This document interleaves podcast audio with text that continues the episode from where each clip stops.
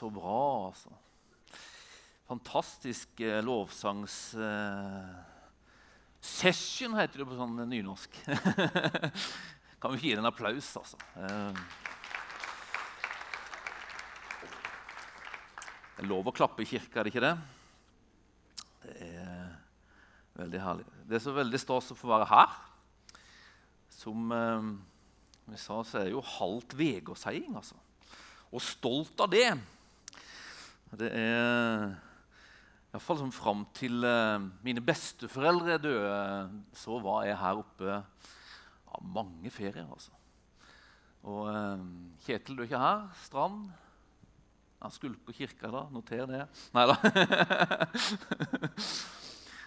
Men eh, vi har hatt masse masse moro. Fantastisk mange gode minner herfra. Det har, det har vært avgjort mange viktige fotballkamper på jordene på Bergan. Og eh, masse gode minner fra Vegårshei. Så Vegårshei har alltid hatt en spesiell plass i mitt hjerte. Og det, det har det fortsatt. Så, eh, så eh, det er veldig stas å få komme hit. Takk for invitasjonen, selv om det var Knut som inviterte meg. Jeg regner med at det var ok for dere òg. Så det er veldig, veldig stas å få være her. Jeg har aldri vært her og talt før, så det er veldig gøy å få gjøre. Og så kommer jeg jo som sånn handikappa. Så, eh, det finnes en TV-serie som heter 'Pastor på prøven'. jeg er sånn pastor på krykker. Og eh, Det er mest tungvint, men det er jo, det er jo, det er jo stas. Det er litt gøy òg, da. Endelig liksom få ha privat sjåfør, bibelbærer. Jeg skal gi Gino en applaus, altså, for det er veldig stas. Han han har jo vært her før, han òg, sier han. Så det er veldig stas. Han, vi er så glad for at vi har han med oss i Froland. Og eh, at vi får være på guttetur i dag, det er bare gøy. Ja. Veldig bra. Typisk Jesus har jeg forstått at det er liksom headlinen for, eh, for eh, denne høsten her. Og det er, det er et, et fantastisk tema. altså som gir utrolige muligheter. og Vi holder på med, med Jesu programerklæring i Froland. Liksom fra Lukas 4,18. det der Herren sånn er over meg, altså så ramses det opp hva Jesus var kommet for å gjøre, som egentlig er på en måte vårt oppdrag som menighet.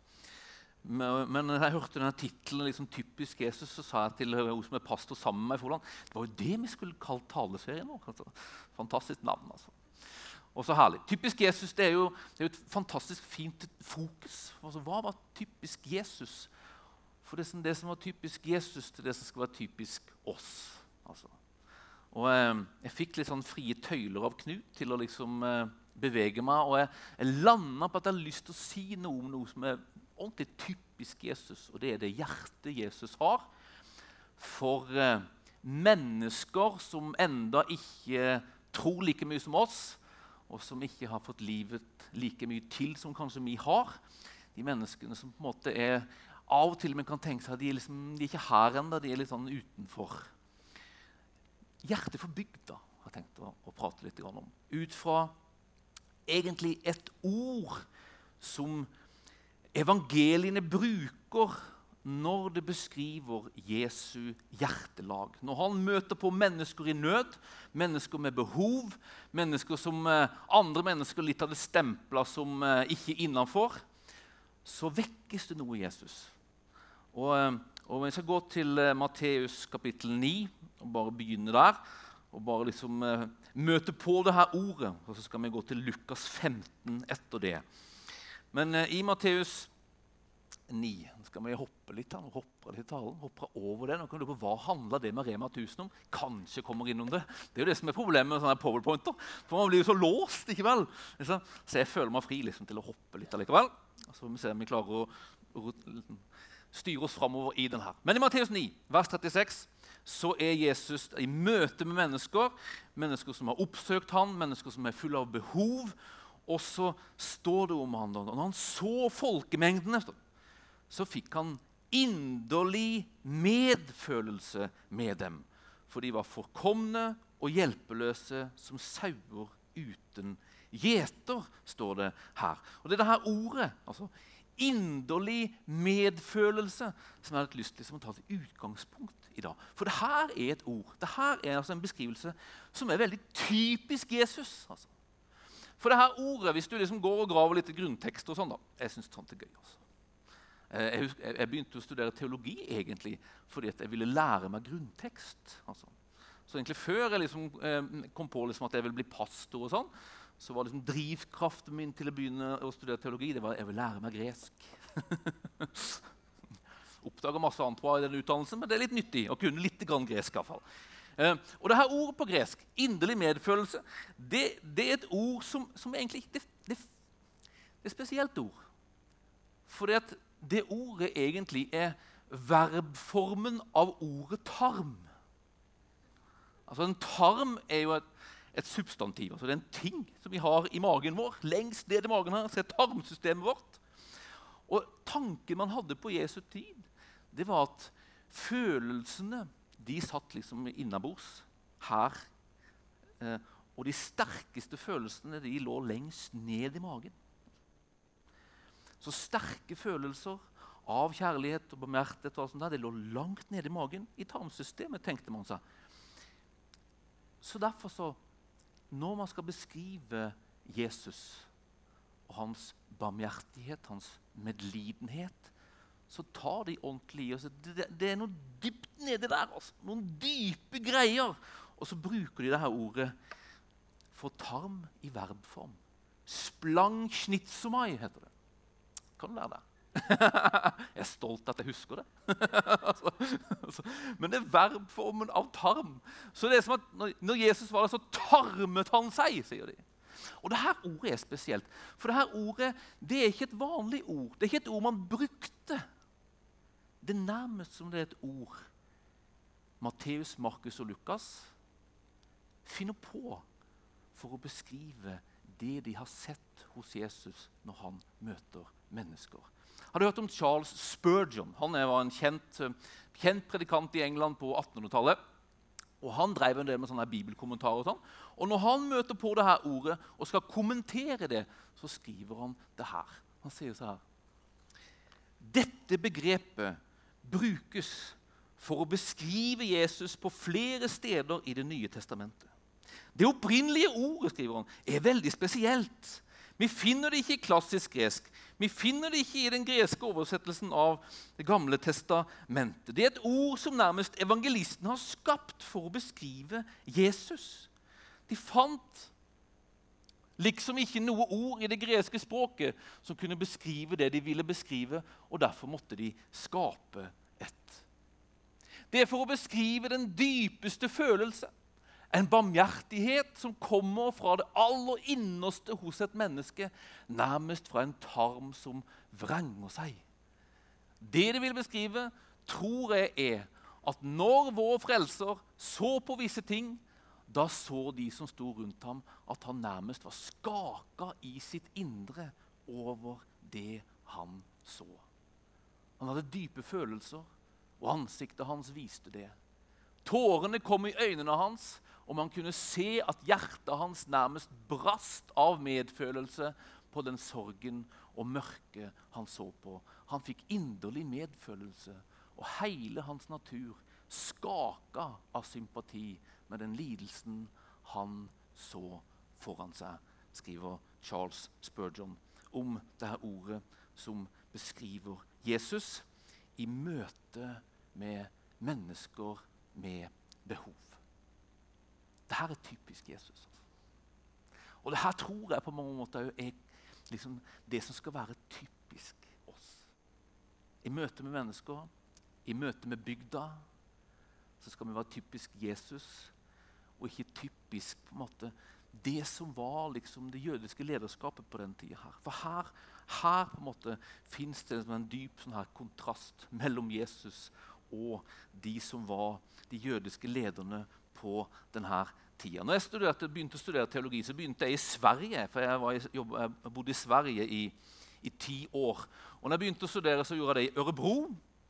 på misjonsskolen der, og Da hadde vi en lærer som heter Josef.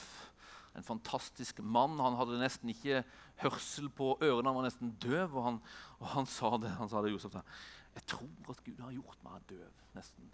For jeg skal høre med mine hjerteører. At han elska her indre liv. Josef. Jeg vet ikke er helt enig med resonnementet hans, men hjertet hans var utrolig utrolig fint. Og så tok han oss en gang til de her vedropa som på en måte Jesus på en måte roper over fariseerne og det jødiske lederskapet i Lukas 11. Og så kom han til vers 52, og så, og så leste han verset der. så står det, Ved dere lovkyndige, dere har tatt bort nøkkelen til kunnskapen. Selv gikk dere ikke inn, og dem som ville gå inn, har dere hindra. Det var som at han sa Dere lovkyndige, dere har hindra folk å lære kjenne Gud. Altså. Dere har skjult ham. Og så husker jeg Josef han med tårer i øynene så husker han kikka på oss og så sa han sånn Vi var liksom de framtidige pastorene og lederne. liksom. Og så sa han sånn Er vi som kirke? Er vi som Jesus? Eller ligner vi mer på fariseerne og de lovkyndige? Og Det der stakk så dypt med. altså.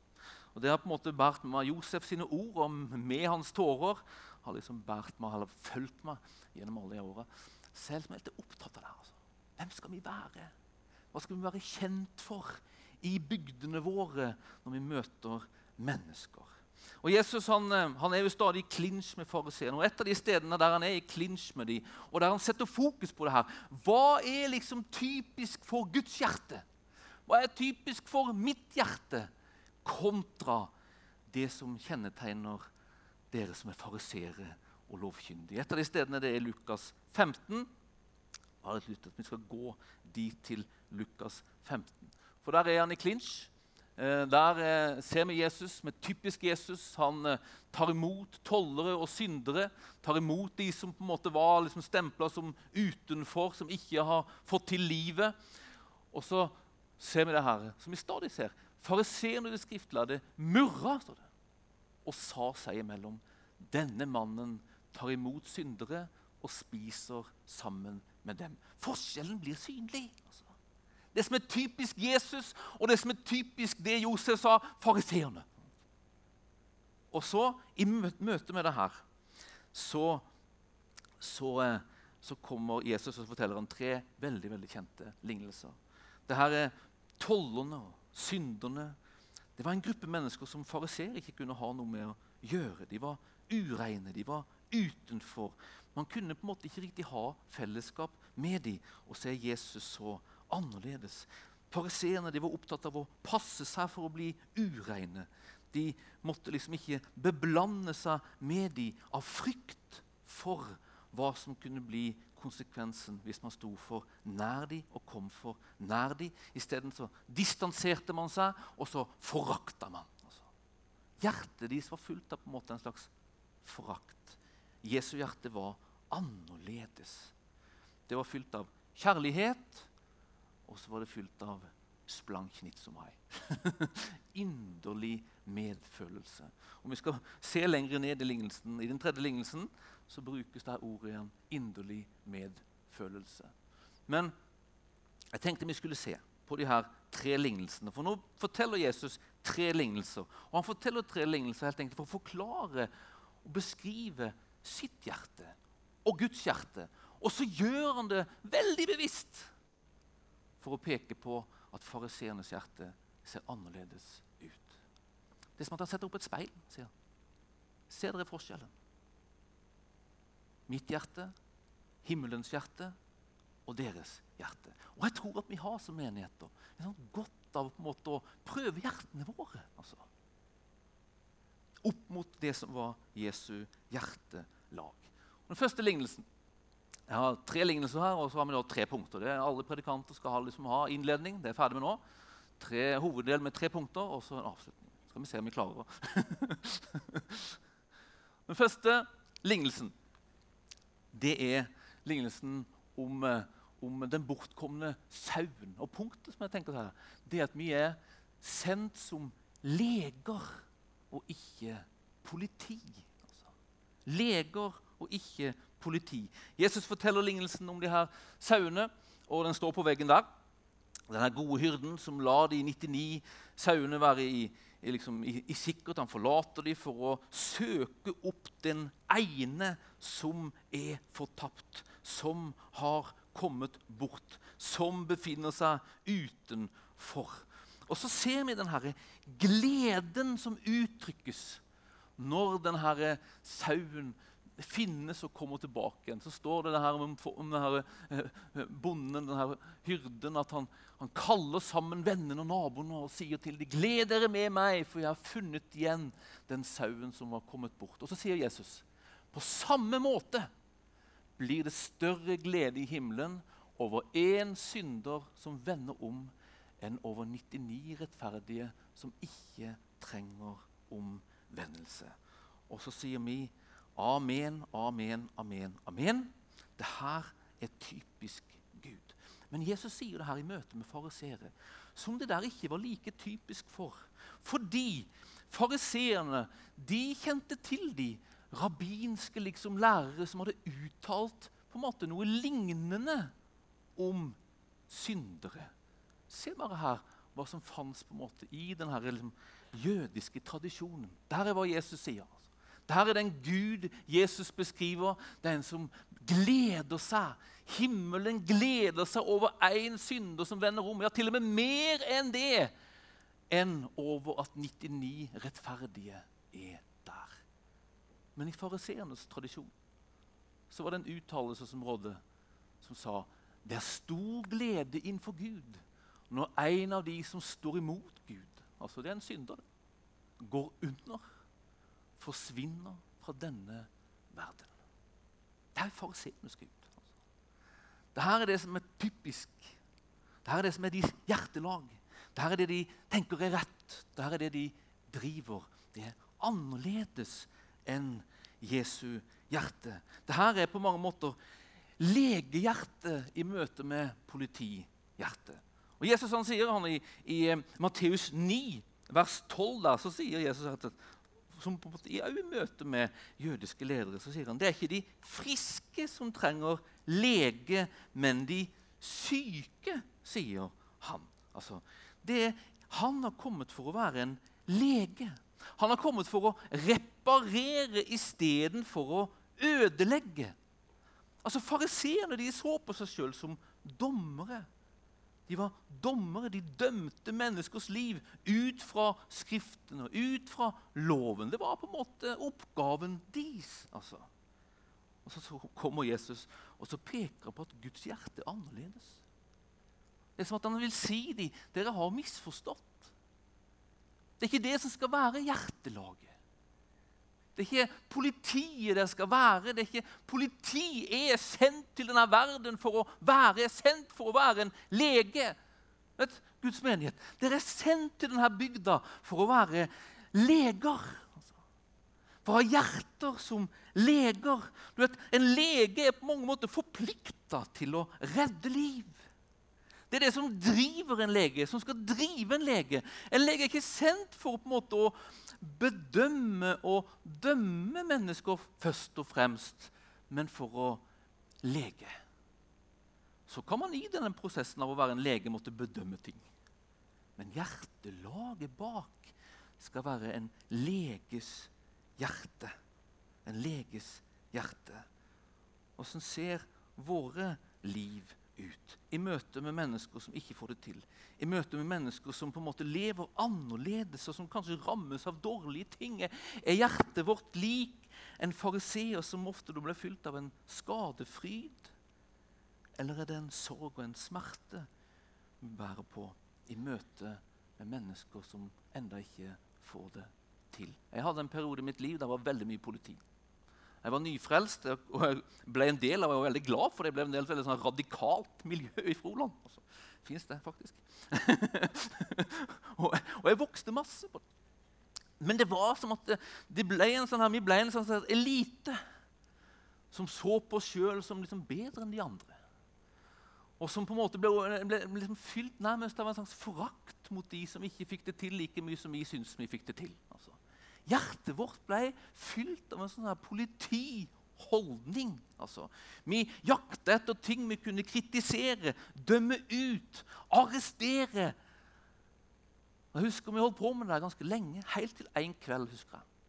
Så hadde vi en ungdomssamling hjemme hos en av oss. Og så holdt vi på. Kom inn i det der igjen og begynte å kritisere de som levde si og levde så. Begynte å kritisere menigheter for at der var det ikke sterkt nok, og der var det ikke fint nok, og der var det ikke godt nok. Og så kom vi inn i det der, og husker jeg det var. Vi var kanskje rundt 20, par og 20 år. Og så var det en ung jente som var liksom i lavere del av tenårene. Som plutselig, midt i vår liksom, Ingen våga jo liksom å si mot oss. Men hun plutselig gjorde det. altså. Hun var plutselig, midt i vår liksom, triade, så bare sa Nei, sa hun. Dette er feil. Dette er så negativt. Dette er ikke Gud, sa hun. Og så stoppa hun. Og noen av oss vi bare lo. Ho, ho, ho, lille du, liksom. Hva vet vel du? liksom. Men i meg så bare skar det inn. Altså.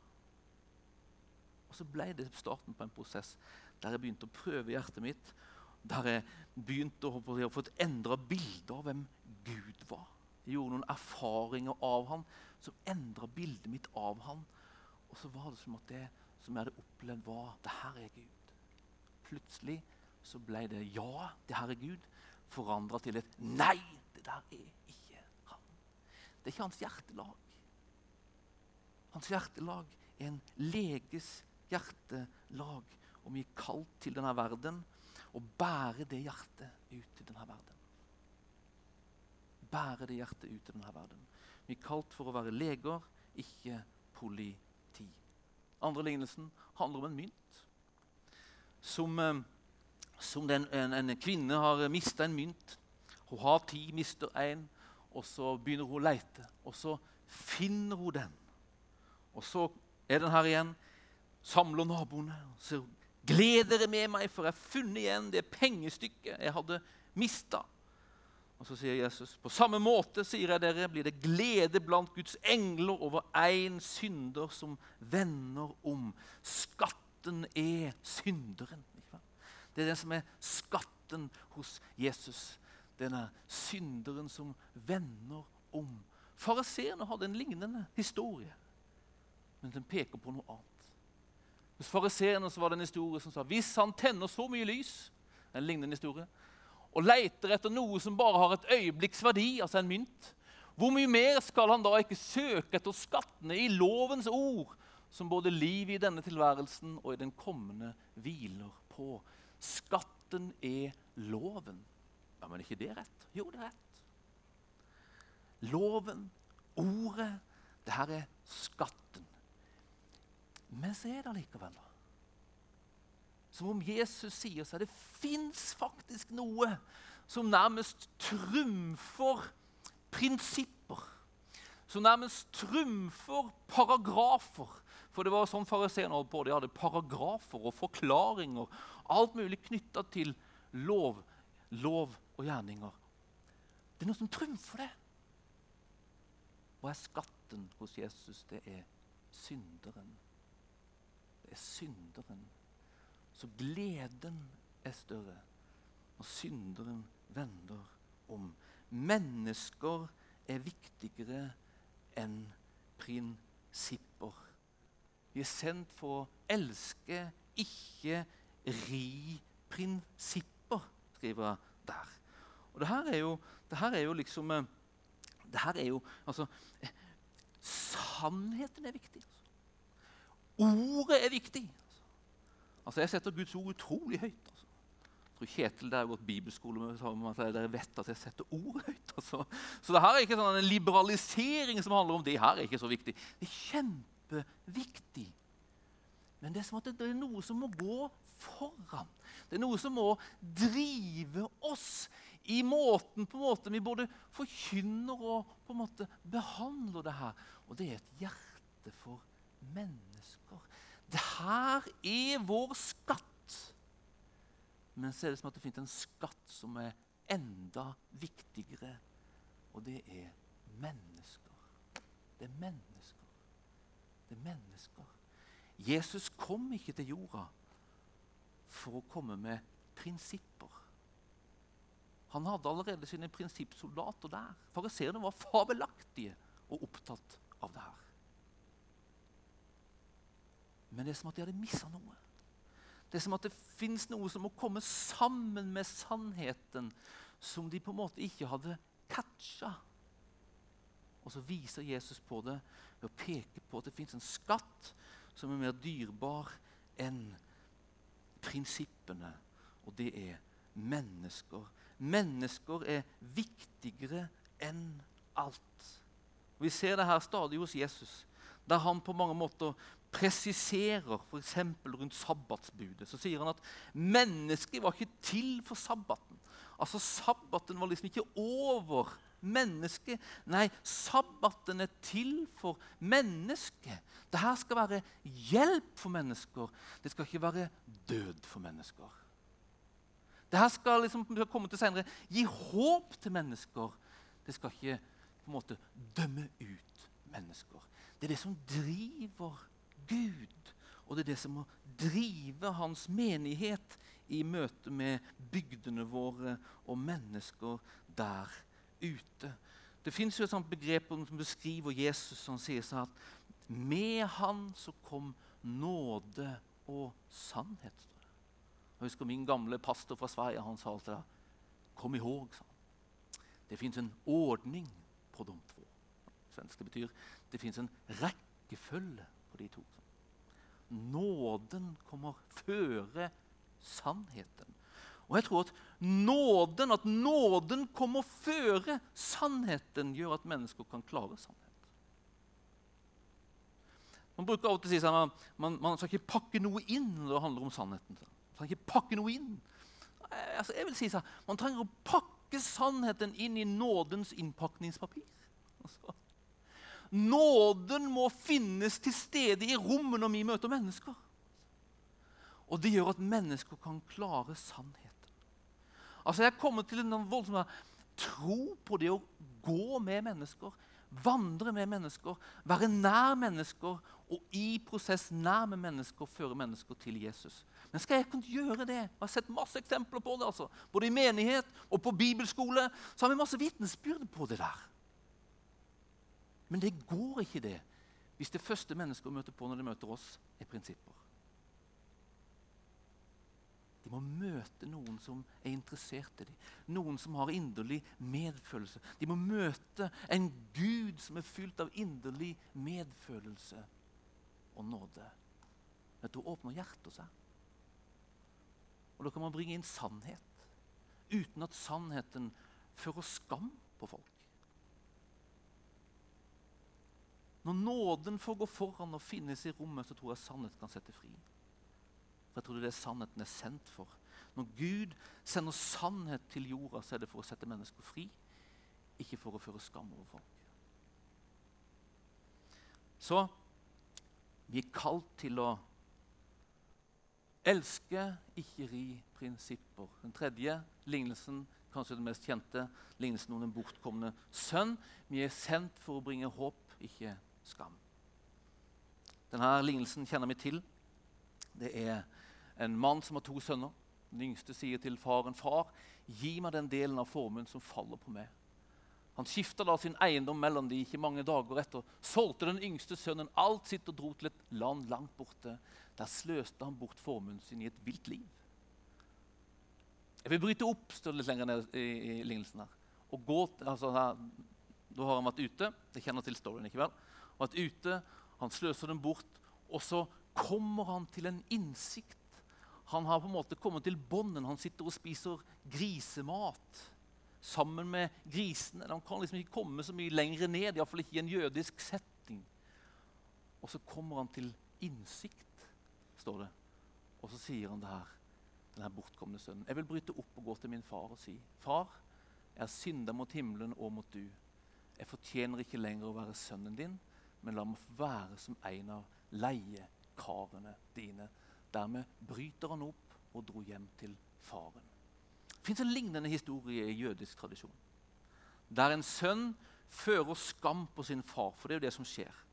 Når han går til sin far og ber om å få arven, så er det som at han sier, 'Far, jeg ønsker at du er død, så jeg kan få min arv her og nå.' en skamfull gjerning. Iallfall i den settingen som vi er i her. Altså. Så faren liksom blir liksom, blir liksom det, det er som at det, han fører skam på sin far. Og når han vandrer ut, og Det fins en lignende historie fra jødisk tradisjon der en, en sønn fører, sønn fører, skam på sin far. I den historien så er faren full liksom av Han er, han er krenka. Altså. Og folk rundt han føler at han er krenka. Hva gjør vi? Det man gjør i denne historien, er at man sender bud etter sønnen. Og så sender man bud som sier, 'Du har ført skam på din far. Skam deg.' Nå bør du komme tilbake. Hvis ikke så fører du bare ytterligere skam på din far. Sånn sa man det i den jødiske settingen. Så man sendte et bud helt enkelt for å bringe skam på denne sønnen som hadde gjort det her mot sin far. Jesus forteller en lignende historie. Men det går aldri et bud ut for å bringe skam på denne sønnen. Isteden fortelles det om en far som står og speider. Da han ennå var langt borte, fikk faren se ham. Det er som at han står og speider.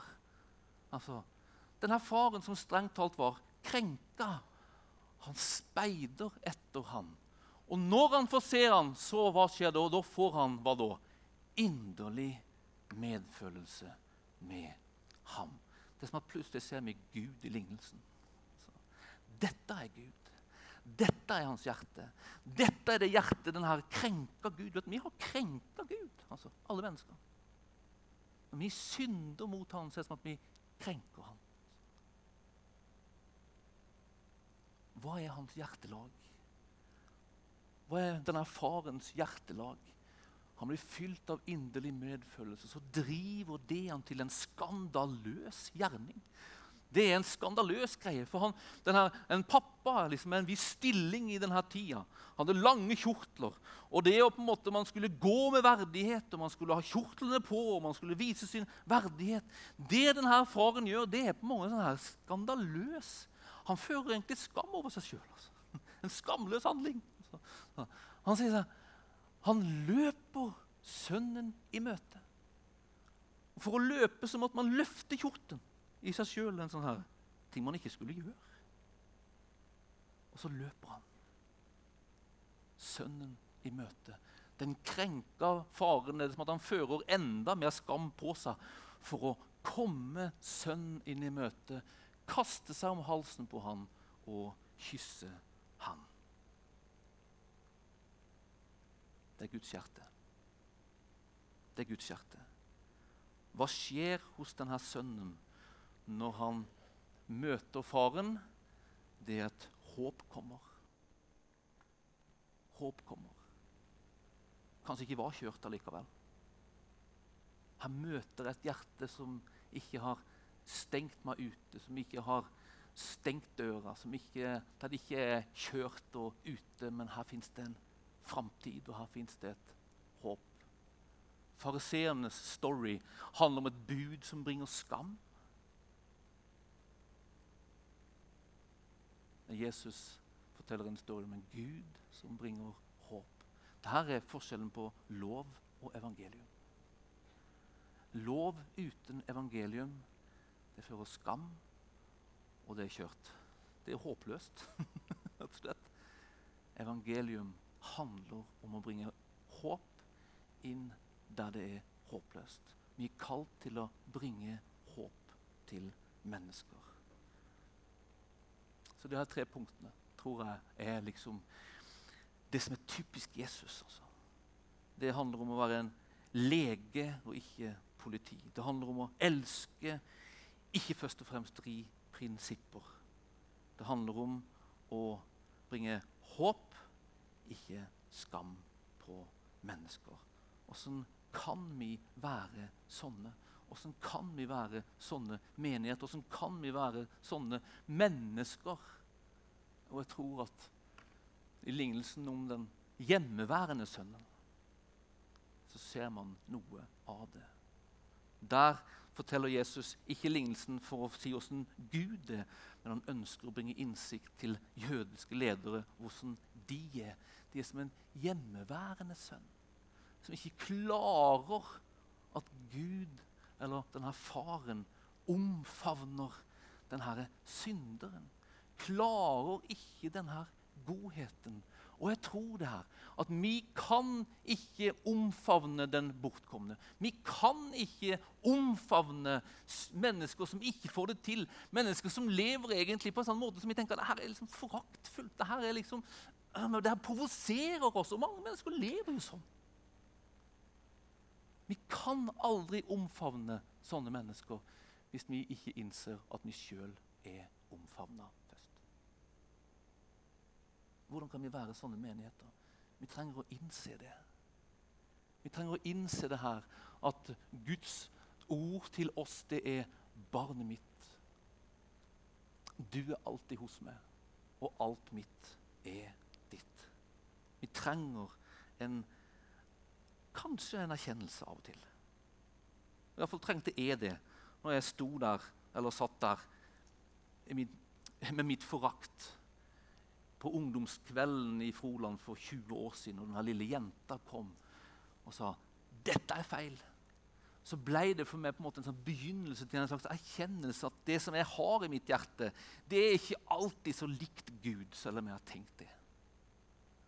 Jeg tror vi trenger å erkjenne det. Og For min del så tror jeg at det var et slags produkt av at jeg sjøl ikke trodde at jeg var omfavna av Gud.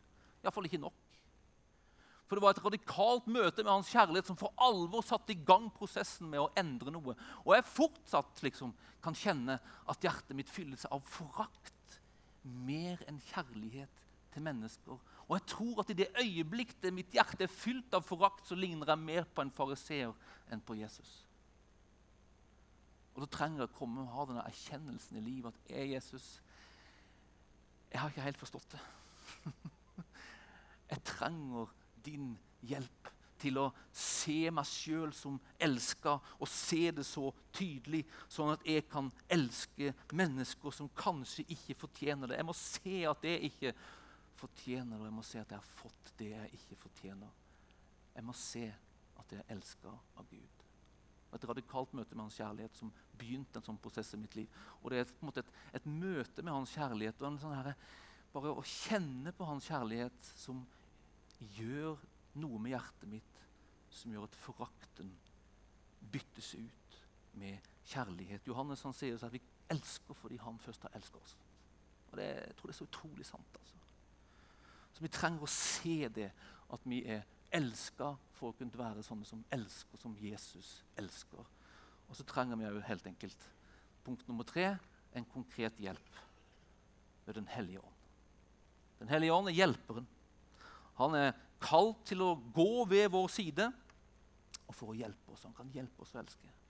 Jeg har bare sånne konkrete eksempler. Jeg jobber på bibelskole i Sverige. og Da hadde jeg to elever som oppførte seg som Altså, de kom alltid for seint, og det var holdninger som var feil. Og, som, og så var, var, de liksom fulle av holdninger til andre. Så, så de provoserte meg noe fryktelig. Altså. Helt ærlig. Altså, det er mange år siden, altså. og da husker jeg sånn, jeg satt der og skulle veilede de og, og liksom, ta opp ting med de, og jeg satt der øh, og nesten murra. Så, så husker jeg ved to tilfeller altså. Så satt jeg der og hadde mest lyst i utgangspunktet bare liksom lyst til å bare filleriste dem så ble jeg bare fylt med en sånn enorm kjærlighet. En sånn overnaturlig kjærlighet. Sånn at tårene begynte å sprenge på. Altså. Så Det var Den hellige ånd som kom der og da og hjalp meg å elske. Og jeg tror faktisk vi kan oppleve det. Vi kan ha mennesker rundt oss som det her jeg kan aldri på en måte elske dem. Men han kan. Han gjør. Og han har sendt Den hellige ånd for å hjelpe oss til å elske. De her to elevene de har fortsatt en spesiell plass i mitt liv.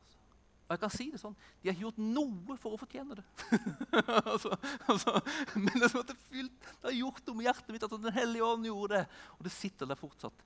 Så jeg fortsatt følger, følger det liksom sånn på distanse fortsatt på Facebook. Undrer på hvordan det går. Og ikke med et ønske om at det skal gå de dårlig, men med et hjerte som virkelig vil de vel. Så han kan hjelpe oss. Vi trenger erkjennelsen. Vi trenger hjelpa. Vi trenger å se det, og så trenger vi Den hellige ånds hjelp til å kunne gjøre det. Himmelske Far, takk for at du elsker som ingen andre, Herre. Herre, hjelp oss å, å tro på din kjærlighet og se din kjærlighet, Herre. Den kjærligheten som overgår vår forstand, som er ulogisk. Som sprenger alle begrensninger, som er agape. Denne kjærligheten som ikke stiller spørsmål eller betingelser for å elske, men som bare elsker. Takk at den kjærligheten har alltid drevet du. Den drev deg til å skape, og den drev deg til å bringe Jesus til denne verden. Den drev du Jesus til korset, og den driver du fortsatt. Den driver du når du bygger din menighet, og hjelper du oss som din menighet til å være drevet av den samme kjærligheten. Kom du, far, denne dagen og i dager som kommer, og bare virk det fram i våre liv som enkeltmennesker og i våre fellesskap som menighet sammen, Herre. Vi takker deg og priser deg og lover deg i Jesu Kristi navn. Amen.